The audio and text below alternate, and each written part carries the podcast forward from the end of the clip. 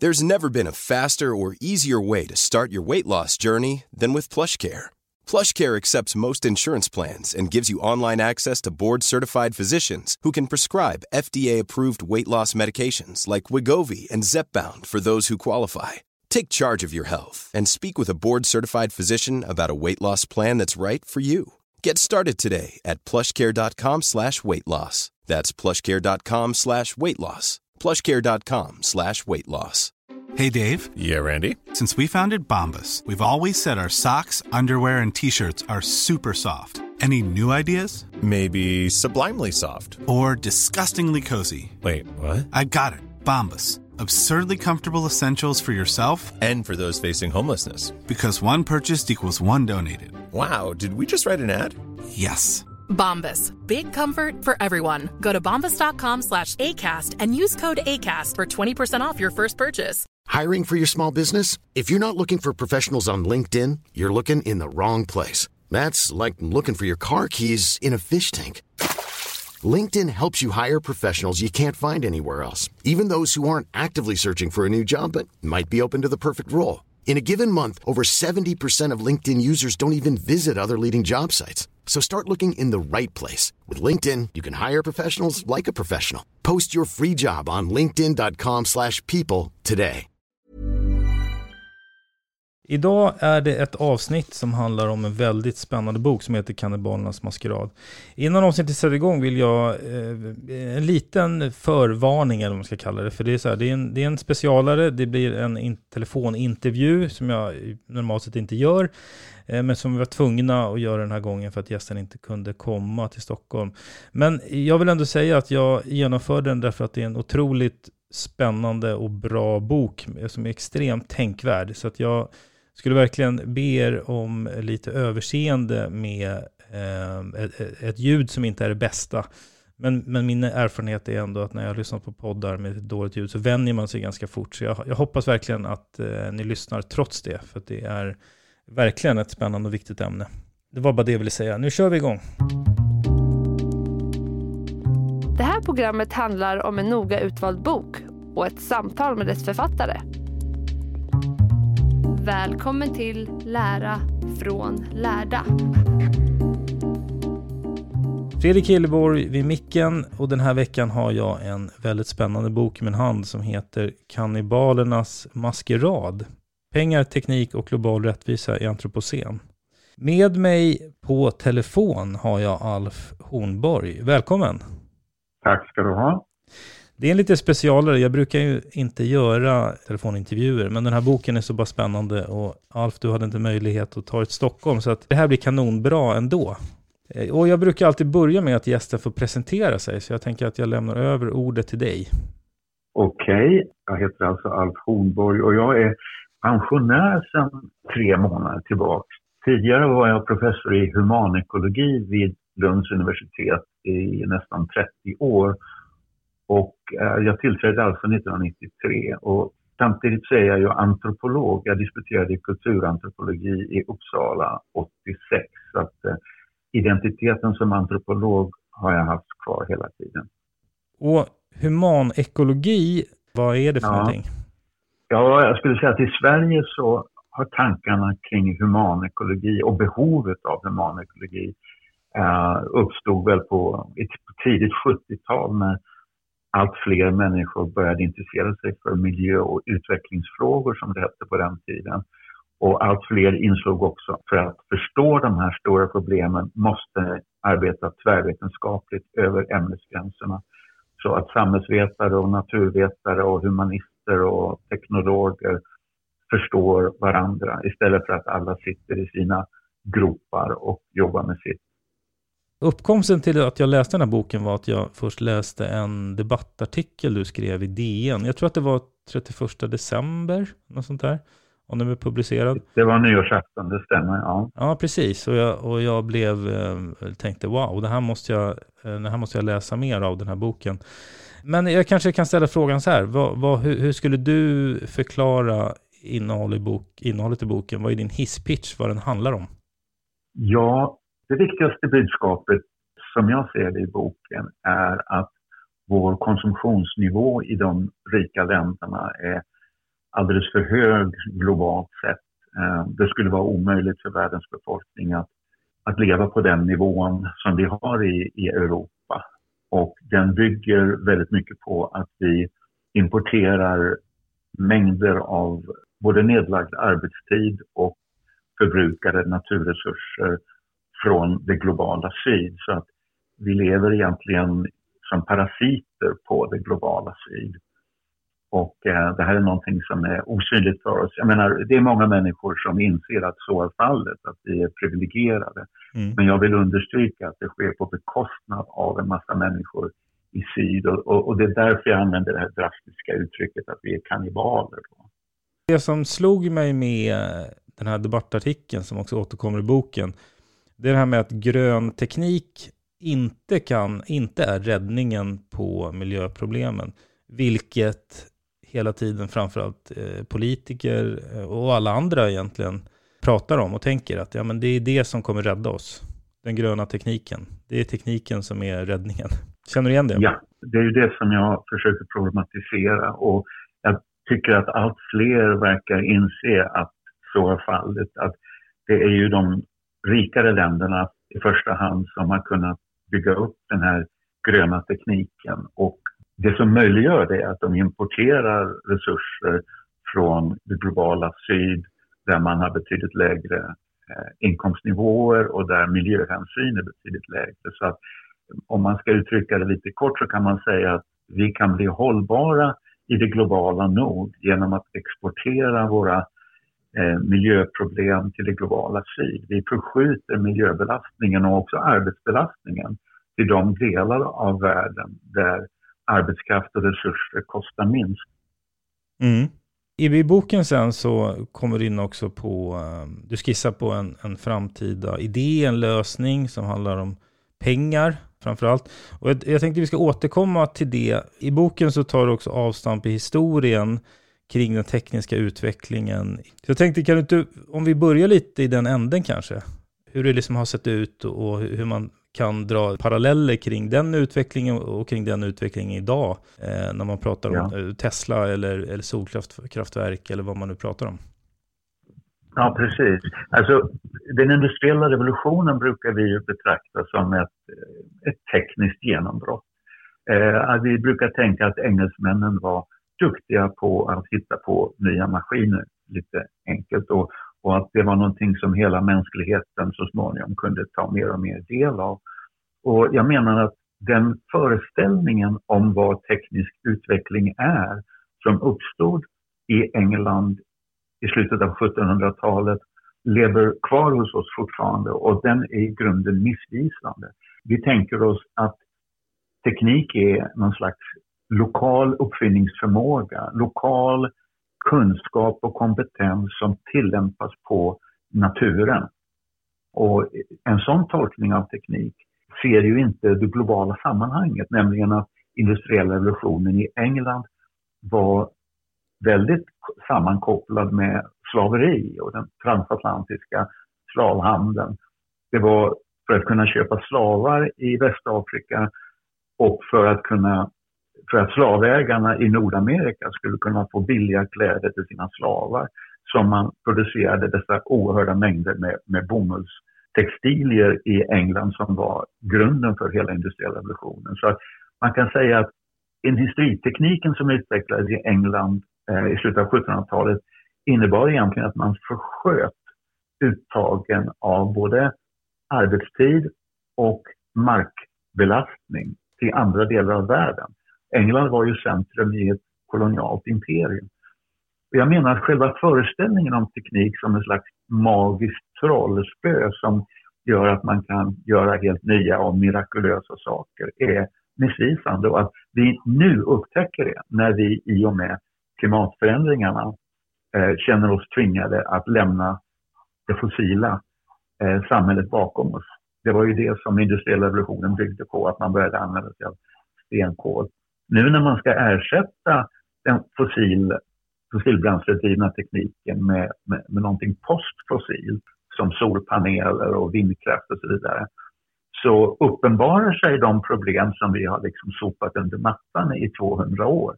Nämligen att vi måste, för att kunna tygla de här naturkrafterna, vare sig det är solenergi eller vind eller, eller vattenkraft eller vad det är för någonting, så behöver vi en teknisk infrastruktur. Och för att bygga den tekniska infrastrukturen så måste vi kunna tillägna oss naturresurser och nedlagd arbetstid från områden där man har eh, relativt låga kostnader för, för, för resurser och arbetskraft. Om man tar det som exempel under den industriella revolutionen, att man på den tiden så var det mer eller mindre eh, slavar som användes i vissa fall. För att om man går till idag då, så vad är eh, så att säga kopplingen eller jämförelsen? För idag skulle man kunna argumentera och säga att nej, men det finns inte slavar längre. Ja, nej, men alltså för det första så finns det faktiskt slavar.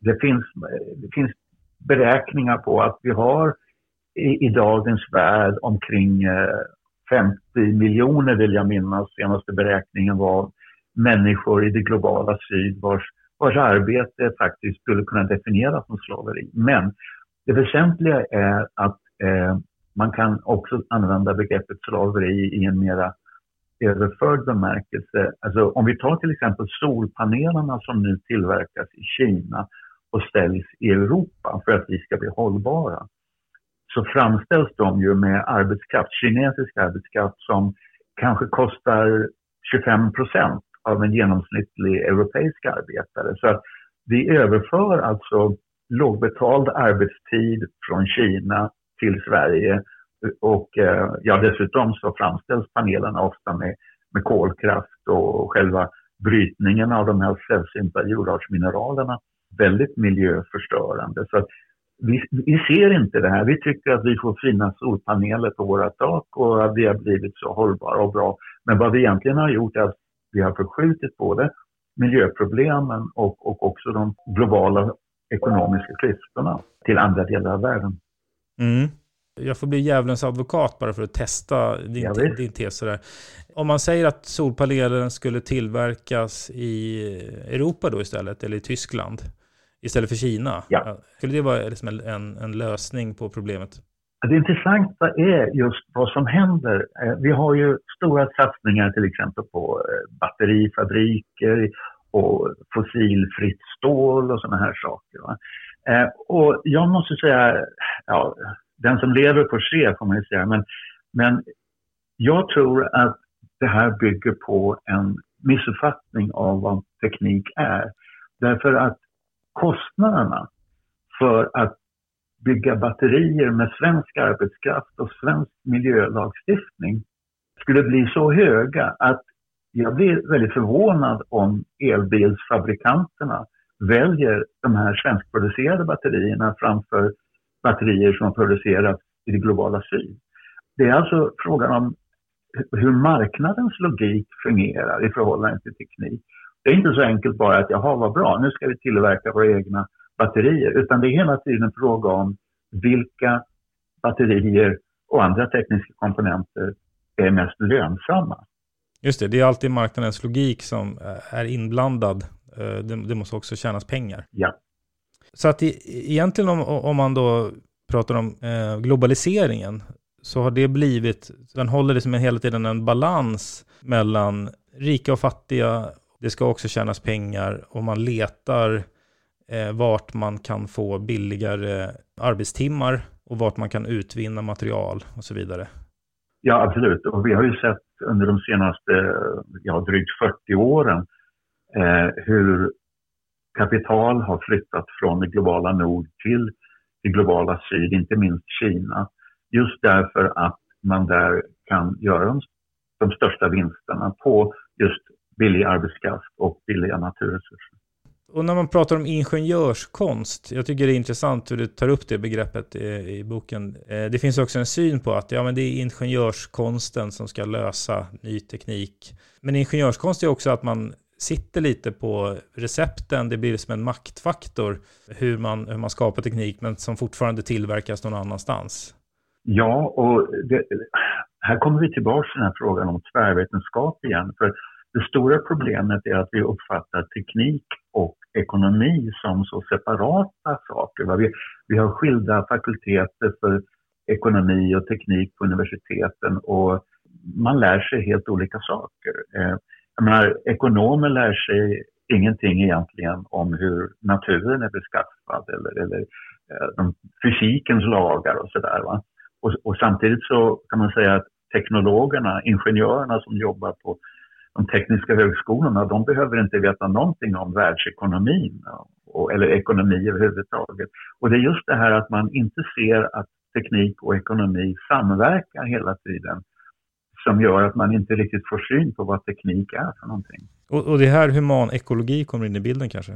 Ja, precis. Jag menar, det var vårt uppdrag när jag tillträdde då 93 att, att bygga broar, står det uttryckligen då i ämnesbeskrivningen, mellan teknik och ekonomi och humaniora och naturvetenskap. Och, och det, det, är det jag har jobbat med och, och våra studenter också under denna tid har intresserat sig för det här. Ja. Så att um, det, det, det, det kanske är få ställen i universitetsvärlden där man har sådana här mötesplatser mellan väldigt olika perspektiv. Men humanekologin har försökt att vara en sån plats i alla fall. Mm. Och eh, jag tycker det var intressant, en, en liksom tydlighet som, eller en insikt som jag fick, det är ju med exemplet det här med, med om man tar naturvetenskap och om man pratar miljö och tittar på de diskussionerna som förs medialt så är det ju, då tittar man, man, man ser det, ja men utsläppen, vi måste få ner dem och man, man tittar efter en lösning att få ner dem Eh, exempelvis genom att, eh, liksom, vart vi utvinner, var vi får vår el ifrån, att vi måste eh, ha flera vindkraftverk eller solkraftverk och så vidare. Men då har man inte med i beräkningarna hur de måste tillverkas, att det också har en kostnad på miljön så att säga. Ja, att man talar om systemgränser och man, och man måste liksom vidga perspektiven för att se att teknikens systemgränser eh, är globala idag i och med globaliseringen. Eh, om vi jämför med industriella revolutionen så måste man tänka om kring vad en ångmaskin faktiskt är så länge den producerar bomullstyger för, för en världsmarknad, framförallt kanske för slavhandeln. Då, då ingår den här, det här ekonomiska, globala ekonomiska sammanhanget i eh, ångteknikens systemgränser menar jag, ur ett tvärvetenskapligt perspektiv. Och på samma sätt om vi ser på tekniken idag så ingår den kinesiska arbetskraften i solpanelernas systemgränser. Vi kan inte skära loss solpanelerna, isolera dem från det här globala sammanhanget och tänka oss att den här tekniken existerar för sig själv. För den är hela tiden beroende av globala resursöverföringar mm. och marknadspriser. Vad är de vanligaste motargumenten? För jag vet att du bland annat har fått repliker på dina debattartiklar. Jag har tyvärr inte läst replikerna, men vad är det mm. vanligaste motargumenten som du får, eller vad är de vanligaste argumenten för att den gröna tekniken ska rädda vår livsstil, som du, som du har fångat upp? Jag tror att det vanligaste är att man har väldigt svårt att se att någonting så materiellt och konkret och fysiskt som en maskin, en, en, en teknisk pryl, faktiskt är genomsyrat av sociala relationer. Eh, och, och, den typiska invändningen blir då att ja, men, om det nu är så här att vi utnyttjar eh, barnarbetskraft i Kongo för att få fram kobolt till våra elbilsbatterier, då är det väl bra om vi istället då eh, använder svensk arbetskraft och förlägger produktionen av batterierna och inklusive mineraluttagen i Sverige. Eh, man tänker sig helt enkelt att teknik är någonting som kan flyttas eh, oavsett det sociala sammanhanget och det blir plötsligt eh, helt okej okay med, med, med de här elbilsbatterierna om man bara hamnar i rätt sammanhang. Och då menar jag att ja, tanken låter bra, men ännu så länge så är det mest en, en fantasi, en utopi. Att Sverige eller ens Europa skulle kunna bli självförsörjande på ny digital teknik. Vi är till 99 procent beroende av Kina i Europa och jag har väldigt svårt att tänka mig att Europa ska bli självförsörjande. Jag har väldigt svårt att tänka mig tekniksamhället som någonting som kan leva sitt eget liv och sen eh, resten av världen behöver vi inte. En väldigt felaktig bild av vad teknik är för någonting. Ja, det, det, skulle innebära att den bara liksom uppkom från ingenstans, tekniken. Att åh, här har vi, kan vi använda direkt. Men, men man, så... man ser tekniken som, som en produkt av mänsklig, mänskligt kunnande. Man ser framförallt att det är mänsklig kunskap, ingenjörskunskap tillämpad på naturen som gör att man får de här mirakulösa grejerna. Man tänker sig inte att de faktiskt är minst lika beroende av globala marknadspriser. Mm. För det har aldrig, hittills i historien har det aldrig varit så att tekniken bara magiskt kommer ner i våra händer. Nej, man, vi kan ju göra några tankeexperiment. Om det nu vore så att avancerad kunskap var tillräcklig för att skapa modern teknik, hur kommer det sig då till exempel att ett land som Kuba så nyligen som 2014 drev ungefär 95 procent av sin elproduktion på olja, på fossila bränslen. De borde ju ha kunnat eh, göra någonting annat om det bara handlar om kunskap. Men, men, men det gör det ju inte. Det handlar ju om kostnaden för arbetskraft och naturresurser och brytning av mineraler och annat. Och, och jag läste nyligen i DN att jag tror att det var Kina som fortfarande bygger ett kolkraftverk i veckan eller något sånt där. Precis, precis. De vet att vi kommer att ha fortsatt efterfrågan på deras solpaneler och, och så vidare. Och, och då behöver de billig energi och kolkraft är billig. Så att eh, okej, okay, Sverige minskar koldioxidutsläppen och det ser väldigt fint ut. Men det är bara en droppe i havet för att koldioxidutsläppen ökar på annat håll. För mm. att vi ska kunna sänka våra utsläpp. Mm. A lot can happen in the next three years. Like a chatbot may be your new best friend. But what won't change? Needing health insurance. United Healthcare Tri Term Medical Plans are available for these changing times. Underwritten by Golden Rule Insurance Company, they offer budget friendly, flexible coverage for people who are in between jobs or missed open enrollment. The plans last nearly three years in some states, with access to a nationwide network of doctors and hospitals. So, for whatever tomorrow brings, United Healthcare Tri Term Medical Plans may be for you. Learn more at uh1.com. Hiring for your small business? If you're not looking for professionals on LinkedIn, you're looking in the wrong place. That's like looking for your car keys in a fish tank. LinkedIn helps you hire professionals you can't find anywhere else, even those who aren't actively searching for a new job but might be open to the perfect role. In a given month, over 70% of LinkedIn users don't even visit other leading job sites. So start looking in the right place. With LinkedIn, you can hire professionals like a professional. Post your free job on linkedin.com slash people today. There's never been a faster or easier way to start your weight loss journey than with PlushCare PlushCare accepts most insurance plans and gives you online access to board-certified physicians who can prescribe FDA-approved weight loss medications like Wigovi and Zepbound for those who qualify. Take charge of your health and speak with a board-certified physician about a weight loss plan that's right for you. Get started today at plushcare.com slash weight loss. That's plushcare.com slash weight loss. plushcare.com slash weight loss.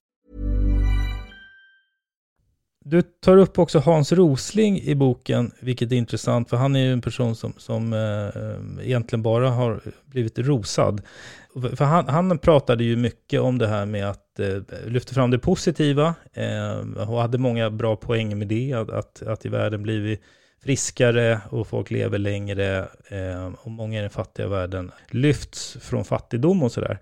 Eh, kan inte du beskriva också, eh, eller problematisera också, de delarna som han inte tog upp, som du tar upp? Ja. För det första så var ju Hans Rosling medicinare och det betyder att han saknade egentligen ett samhällsvetenskapligt perspektiv på de här utvecklingsfrågorna som han egentligen eh, diskuterade. Och det gör att, jag kommer ihåg hur han kunde framträda i tv med sju stycken gula dockor Eh, en docka per varje miljard människor på jorden. Och sen ställde han upp dem där och sa liksom att en av dem har råd att flyga och köra bil och i andra änden så var det en som bara hade råd med sandaler på fötterna i stort sett. Och, så där. och sen menar han att alla de här dockorna de var på väg, de liksom var på väg åt samma håll. Och det handlade bara om att alla skulle fortsätta längs med den där kön eh, utan att planeten förstördes och det kunde man ju naturligtvis göra då på ett eller annat sätt. Men, men jag menar att vad, vad Hans Rosling inte såg var att de här klyftorna mellan de olika gula dockorna berodde på relationer mellan dockorna. Alltså att dockorna faktiskt ingick i ett samhälle, ett globalt samhälle där de som har råd med bil har råd med det därför att andra inte har det. Mm. Därför att de har så låga löner att bil, bilarna blir tillräckligt billiga och så vidare. Alltså att det finns ett sammanhang mellan de här gula dockorna. De står inte bara i en kö utan de har bytesrelationer med varandra som gör att ojämlikheten och klyftorna lever vidare. Alltså i, om man förenklar det, ja. hela jordens befolkning kommer aldrig kunna bo i en villa och ha villa, Volvo, Vove-konceptet för alla människor. Nej, det, det dels är det en ren fysisk omöjlighet.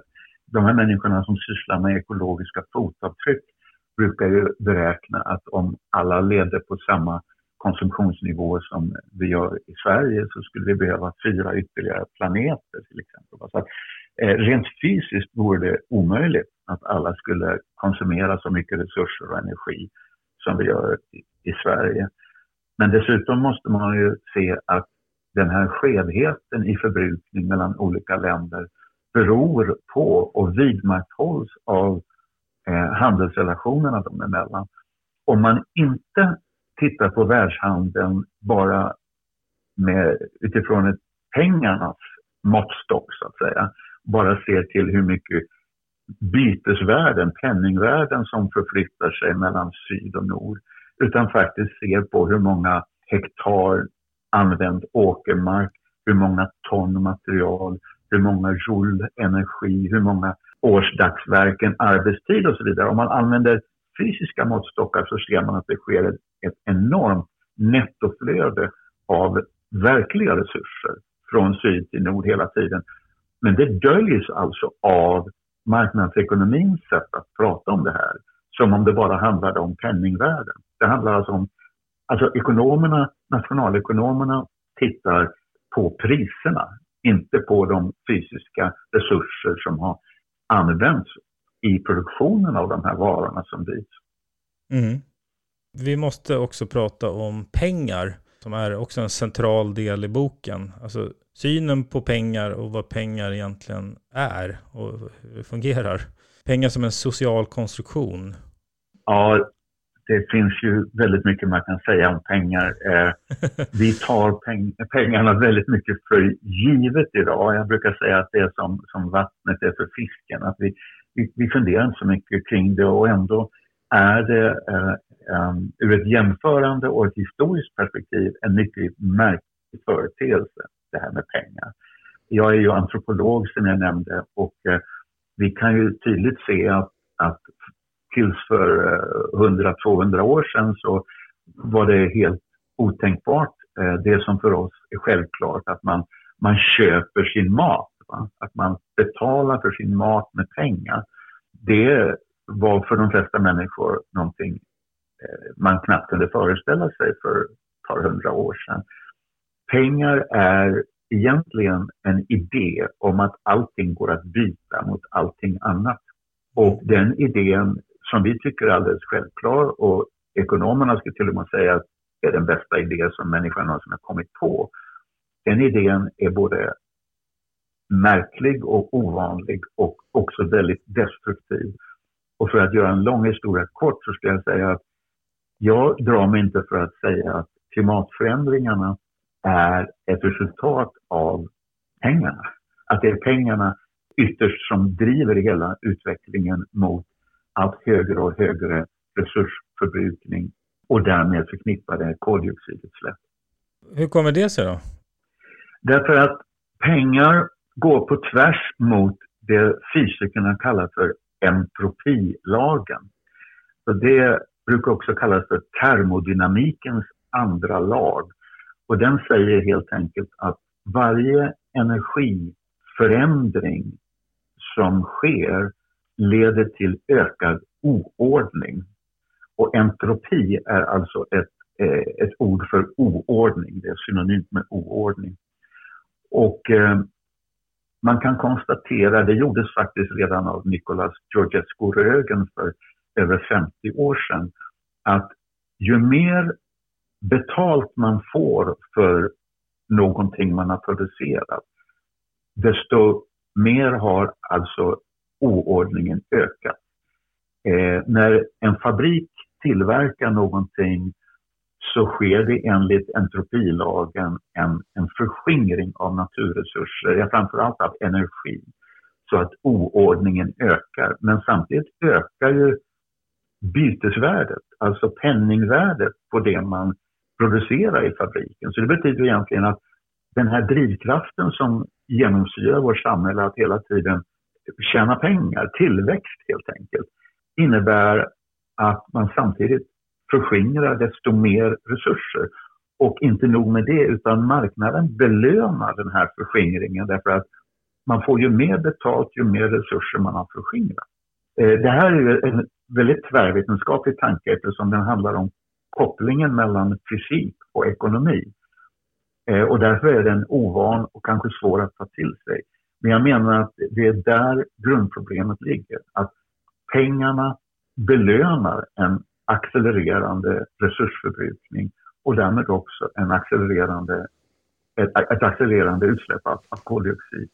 Jag brukar återkomma i podden om att eh, incitament, man behöver ofta titta på incitament för att förstå hur människor beter sig. Och pengar har ju som en sorts inneboende, ett inneboende incitament att vi vill ha mer hela tiden. Ja, det tror jag vi alla kan känna igen oss i. När vi går in på ett varuhus så vill vi ju göra av med så lite pengar som möjligt. Vi vill köpa varor som är så prisvärda som möjligt. Och det gäller både för eh, enskilda konsumenter och för företag och för, för nationer, va, länder. Och vad innebär det då i förlängningen? Jo, det innebär att man i det där varuhuset väljer de varor som har kostat minst att producera. Och det innebär i regel att de kommer från det globala syd, där man har lägst eh, arbetskostnader och lägst kostnader för, för naturresurser. Så att därför så köper vi till exempel en väldig massa saker från Kina. Mm. Eh, det handlar inte bara om att kineserna är liksom duktiga, utan det handlar om att eh, det är billigt med både natur och arbetskraft från Kina. Mm. Så visst har vi ett incitament. Globaliseringen gör ju det möjligt för oss att söka oss till de mest avlägsna och billigaste delarna av världssystemet. Mm.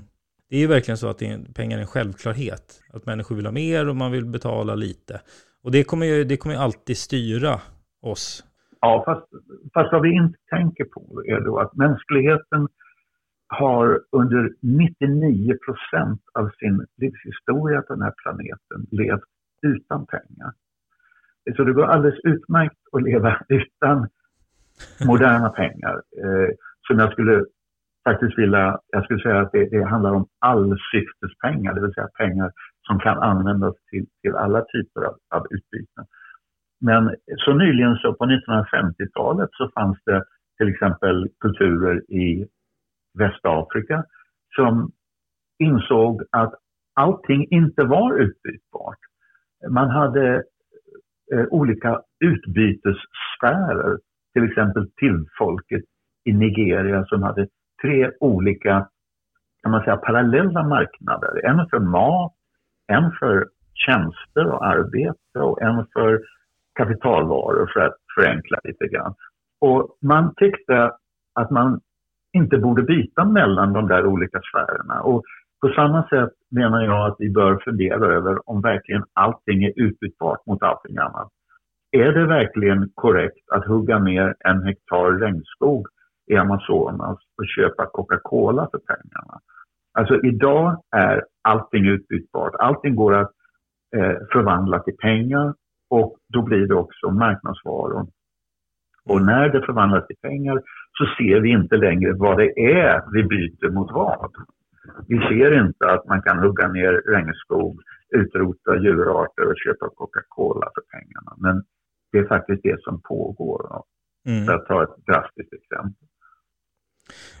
Eh, du skissar ju också lite grann på en eh, lösning, eller i alla fall liksom en, en del av problemet. Eh, jag tänker på det här med, med pengar, hur är det strukturerat och liksom en, en mer lokalt förankrad eh, idé. Ja, ja. jag tror att eh, om mänskligheten eh, ska få bukt med klimatproblematiken, om vi ska liksom överleva antropocen, så måste vi bemästra pengarna. Vi måste förstå hur de fungerar och vad de ställer till med i vår värld, i hela biosfären. Pengarna är ju uppfunna av människor Eh, och de borde alltså vara våra redskap, men de har blivit våra herrar. Vi, vi lyder pengarnas logik hela tiden och det ser ju ut att leda mot ja, eh, förstörelsen av, av, av väldigt mycket av, av livet på vår planet. Och jag, jag tror att enda sättet att få bukt med den här utvecklingen, det är att medvetet designa pengarna på ett nytt sätt. Att på något sätt skapa gränser för vad som är utbytbart. Och eh, min tanke är att vi bör försöka upprätta någon form av gräns mellan den lokala tabulismen, i betydelsen ämnesomsättning. Alltså vad är det för resurser man använder för överlevnad i ett relativt lokalt sammanhang. Den sfären så att säga bör, bör inte vara utbytbar mot varor som man köper från andra sidan jordklotet och som ska transporteras kors och tvärs från låglöneländer och, och det ena och det andra. Och, och, då tänker jag att det går, det skulle teoretiskt sett, och det här är ju bara liksom principresonemang, men det skulle gå att inrätta en alternativ komplementär valuta vid sidan om den vanliga valutan som vi har, alltså kronor och euros och dollar och allt vad det är. Eh, och att den här komplementära valutan då delades ut till alla människor som en slags basinkomst som alla får. Men med det viktiga tillägget att den inte går att köpa vad som helst för. Den kan bara användas för att köpa varor och tjänster som har producerats inom en viss radie från köpstället. Det kan vara, jag menar det, hur, hur, hur lång den, den radien ska vara, det kan man diskutera. Det kanske behöver vara mycket längre i Norrland än i Skåne, men låt oss säga eh, 5 till 50 mil, någonting sånt där. Det går att märka varor efter transportavstånd egentligen. Vi, vi är ju vana vid att vi märker varor efter datumet då de har tillverkats, när, bäst före-datum så att säga. Och det handlar ju då om att en begränsning i tiden. Men vi har inte tänkt på att man också skulle kunna märka varor efter, hur, efter i rummet, alltså hur, hur långt de har färdats. Eh, mm. Och jag menar att den här komplementära valutan bör då användas bara för produkter som har tillverkats, som inte har transporterats över halva jordklotet utan som har tillverkats inom en viss, ett visst avstånd. Och det skulle ju radikalt minska transporterna och därmed också koldioxidutsläppen. Mm. Ja, för det man i grunden måste få till det är att man måste få ner transporter av, eller både då förflyttning egentligen av både pengar och produkter. Eh. Ja, och det finns många skäl till varför man måste eh, komma åt den här tendensen att, att transportera. Dels naturligtvis att det ger upphov till en massa koldioxidutsläpp och därmed bidrar, bidra till klimatförsämring och så vidare. Men det finns också att exploatera skillnader i pris på arbetskraft. Alltså man får en tendens mot allt större polarisering, allt mera ojämlikhet i världssystemet. Och det, har, det är alltså en följd av globaliseringens logik. För globaliseringsförespråkarna så är ju världsmarknaden helt enkelt ett uttryck för ökande effektivitet. Kan vi köpa billiga varor från Kina, ja då är det ett mått på effektivitet. Istället för att man då betraktar det som ett uttryck för exploatering. En annan fördel med att lokalisera samhällets ämnesomsättning på det här sättet, det är att man minskar vår sårbarhet. Eh, vi får en större livsmedelssäkerhet, vi, får, eh, vi står inte plötsligt utan eh, basresurser som vi behöver för vår överlevnad. Vi har ju börjat ana sådana saker nu efter pandemin lite grann, att det blir störningar i, i den globala handeln. Och då upptäcker vi ju hur oerhört sårbara vi är med den nuvarande eh, världshandeln och globaliseringen, därför att vi är så beroende av, av fjärran länder. Mm. Ja, det märks ju också nu under i kriget i Ukraina. Precis, det är också ett exempel på det. En, en av många fördelar med det här systemet skulle vara att det ökar vår resiliens, som man brukar säga, alltså vår, vår förmåga att, eh, att försörja oss själva och, och eh, inte vara känsliga för störningar, globala störningar. Helt enkelt att, att minska vår sårbarhet och det, det är jätteviktigt också. Men, men det är bara en av de aspekter som ett sånt här system skulle, skulle bidra till. Mm. Så egentligen är globaliseringen och hur pengar fungerar får en massa negativa effekter, inte minst på miljön. Ja, precis så skulle jag säga också. Ja. Problemet är ju då att här håller vi nu på frenetiskt att försöka ta oss ur klimatproblematiken med olika nya tekniska hjälpmedel. Men det är egentligen ytterst få som tittar på pengarna som grundproblem, som roten till problemet. Och, och, gjorde man det så skulle man få en helt annan syn på teknik till exempel som, som har ju visat sig så sårbara som bygger på komponenter från andra länder. Och så där. Man, man skulle se att man behövde en betydligt mer lokal ämnesomsättning. Mm. Eh, vi har rört oss lite i boken och jag har försökt att fånga viktiga poänger. Är det någon pusselbit i boken som vi inte har pratat om som du vill nämna? Ja, det skulle i så fall kanske vara det här problemet med hur man drar gräns mellan natur och samhälle. Eh, precis som med begreppet teknik, och då gör jag som humanister ofta gör, jag sätter liksom citationstecken om det. Därför att jag menar att våra begrepp, och det är också någonting som antropologer gärna gör, våra begrepp är någonting som vi bör eh, granska och tänka igenom. Och om vi får distans till ett begrepp som teknik och ser att det kanske är någonting lite annorlunda än vad vi har trott, så kan vi också tänka nya tankar kring det. Det gäller också pengar. Men det gäller också de här grundläggande begreppen natur och samhälle. Vi måste sluta att dra en gräns mellan natur och samhälle. Det går tillbaka till Descartes, man talar om kartesiansk dualism och så vidare. Och där menar jag att på ett sätt har man rätt. Därför att i väldigt mycket av det som vi ser runt omkring oss så ser man att natur och samhälle är sammantvinnade. Vi kan ta som exempel landskap och vi kan ta våra egna kroppar. Vi kan ta klimatförändringar, vi kan ta teknik som vi har pratat om.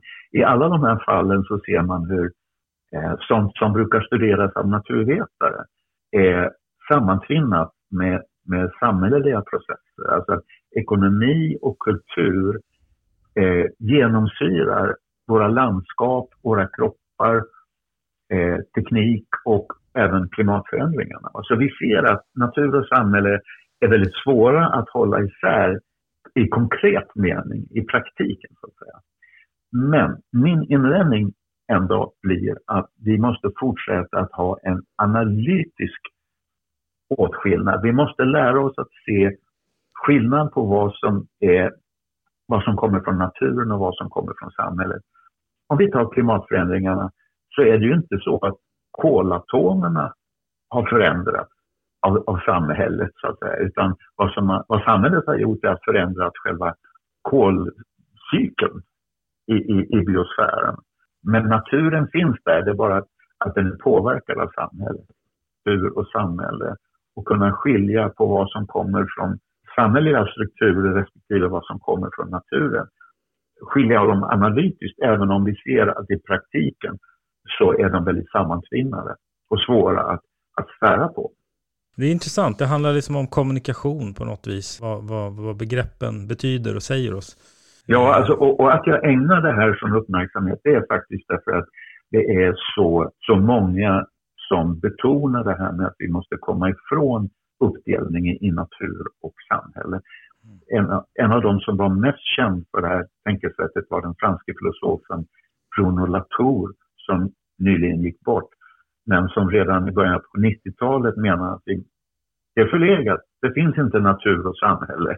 Och väldigt många eh, idag skulle hålla med honom om det. Och jag menar att då gör man ett misstag om man kastar ut barnet med badvattnet. Vi behöver ha kvar begreppet natur för att kunna urskilja samhället och för att kunna ägna oss åt kritik av hur samhället ser ut. Ja, men du, du ska ha stort tack för att vi lyckades få till inspelningen. Tack ska du ha.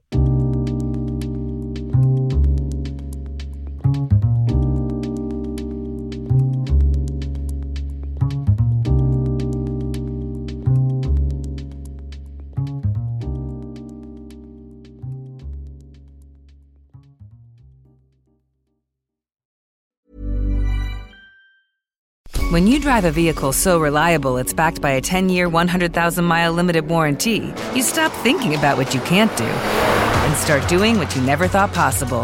Visit your local Kia dealer today to see what you're capable of in a vehicle that inspires confidence around every corner. Kia, movement that inspires. Call 800 333 4KIA for details. Always drive safely. Limited inventory available. Warranties include 10 year 100,000 mile powertrain and 5 year 60,000 mile basic. Warranties are limited. See retailer for details.